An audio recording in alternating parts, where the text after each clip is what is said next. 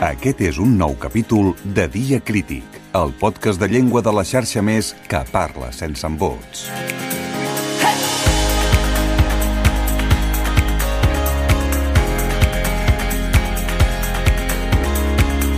Avui parlem amb la presidenta del CAOC, la Núria Comas. Qui sou al CAOC? Bé, el CAOC som una entitat que té més de 40 anys ja d'existència i que les sigles són Cercle d'Agermanament Occitano-Català. O sigui, el que diem nosaltres que som Occitània a Catalunya. Som eh, bueno, l'entitat que d'alguna manera continuem els lligams històrics, eh, culturals i de llengua amb, amb la gent d'Occitània i amb el, amb el país occità. Al pensar en Occitània, quina situació geogràfica exactament hem de pensar? Occitània és un país molt gran, pràcticament és mitja França, de des de Clermont-Ferrand cap, a, cap a la frontera ja amb els Pirineus. Hi ha diversos, diversos departaments, si parlem en llenguatge francès d'avui en dia, com són els territoris doncs, de la Gascunya, de la Provença, del Llemosí, del Llenguadoc, tota la franja que va des de l'Atlàntic fins al Mediterrani i baixant des de Clermont-Ferrand fins als Pirineus. Excepció, en aquests moments, doncs, de la part catalana, que ja era llavors Catalunya, de la zona del Roselló i de Perpinyà. Tota aquesta àrea doncs, és la llengua d'oc, és la llengua històrica, és la llengua dels trobadors i és la llengua, doncs, la llengua i, la, i la, el país, doncs, que d'alguna manera sempre hem anat com molt agermanat amb Catalunya, quan Catalunya també era una nació i Occitània doncs, també era una nació. Eh?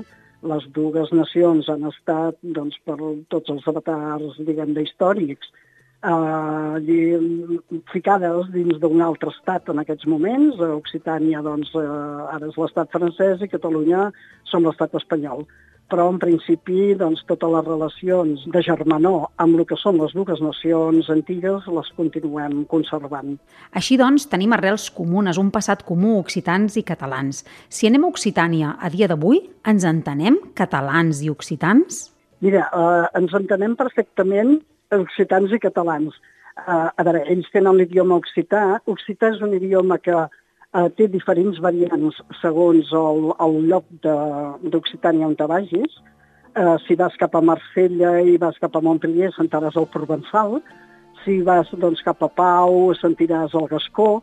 Uh, més amunt el llemosí. O sigui, cada, cada regió d'aquestes o cada, o cada sector d'aquests té la seva variant de l'occità no tenen una gramàtica occitana comuna així entre tots. Nosaltres sí que fem cursos d'occità estàndard, que hem agafat el llenguadocià, o sigui, el que parlen més a prop de la frontera catalana, més que res perquè llavors també ens entenem millor. El primer lloc on surts doncs, és el llenguadoc i per tant hem agafat aquesta, aquesta regió com per poder fer eh, un occità que ens entenguem també nosaltres. En principi tots ells s'entenen, eh, hi ha variants eh, d'una variant a l'altra en quant a fonètica i en quant a gramàtica i en quant a vocabulari. Però, mm, d'entrada, a veure, jo penso que amb una mica de, d'esforç per part de nosaltres, i els catalans també estem eh, acostumats a fer-lo, aquest esforç doncs, ens entenem eh, perfectament entre uns i els altres. Tot i així, home, val la pena tenir-ne el coneixement. Després no oblidem que hi ha una part d'Occitània que és la Vall d'Aran que també és part de Catalunya, diguem-ne. Eh? Llavors, aquí a Catalunya, l'occità és llengua oficial en la seva variant d'aranès, que és el que es parla a la Vall d'Aran.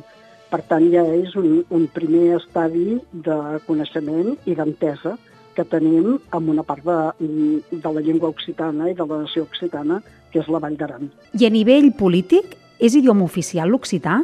L'occità, com a llengua optativa, a diferents escoles tenen unes escoles específiques, sobretot d'escoles de primària, que són les calendretes, que són eh, una mica el, el mateix que seria la bressola catalana a la Catalunya Nord. I llavors són escoles on estudien amb occità i l'occità. Després, tot l'altre occità sí que s'estudiava com a llengua optativa en diferents instituts i en diferents escoles de primària. Tot i així, ara deu fer un any o una mica més, potser, Ja sabeu que l'estat francès també és un estat doncs, que mm, dona prioritat a la seva llengua francesa en detriment de totes les altres llengües que té en tot el seu territori, no només amb l'occità, sinó si pensem en la part nord de França, doncs amb els bretons, o si pensem en les illes amb els corsos. Ah, llavors, eh, fa un any o un any i mig que no va prohibir, però sí que va deixar de donar la possibilitat de poder fer l'occità. Llavors, sí que hi ha diversos moviments a dins d'Occitània que reclamen i que, i que lluiten i que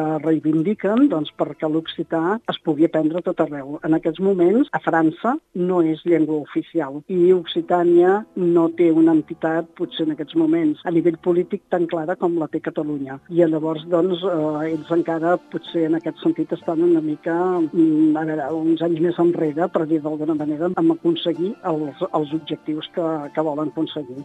La vostra entitat, el CAOC, fa diferents campanyes de sensibilització del fet occità.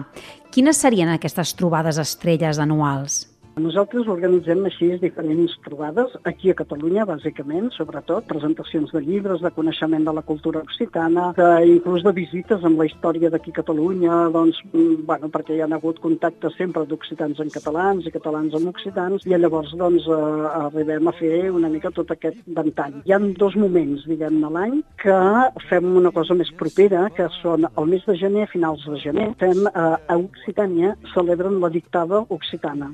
Ara fan un dictat que el fan a la mateixa hora i al mateix temps a diverses ciutats occitanes.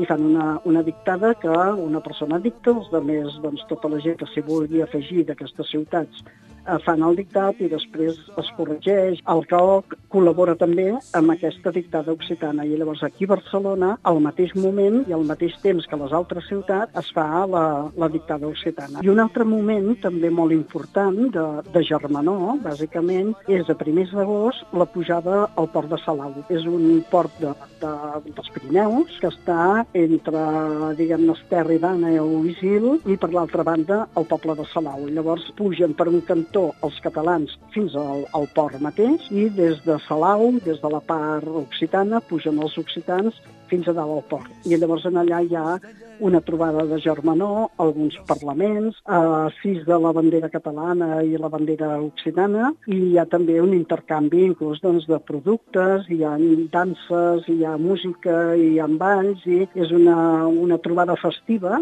de, de germanor entre uns i uns altres, no? per recordar una mica que no hi ha fronteres que ens separin, sinó que el que hi ha són espais oberts de llibertat que ens agermanen una mica a tots. Doncs ja ho sabeu, si en voleu saber més, caoc.cat, Occitània, Catalunya. Ells treballen per estrènyer els lligams i pel coneixement mutu entre Occitània i els països catalans. Les fortaleses i les debilitats de la llengua dels països catalans es posen en punt de mira al podcast de llengua catalana Dia Crític, un podcast fet al Camp de Tarragona, amb guió i locució de Gemma Bufies. Dia Crític, la llengua explicada des de la proximitat.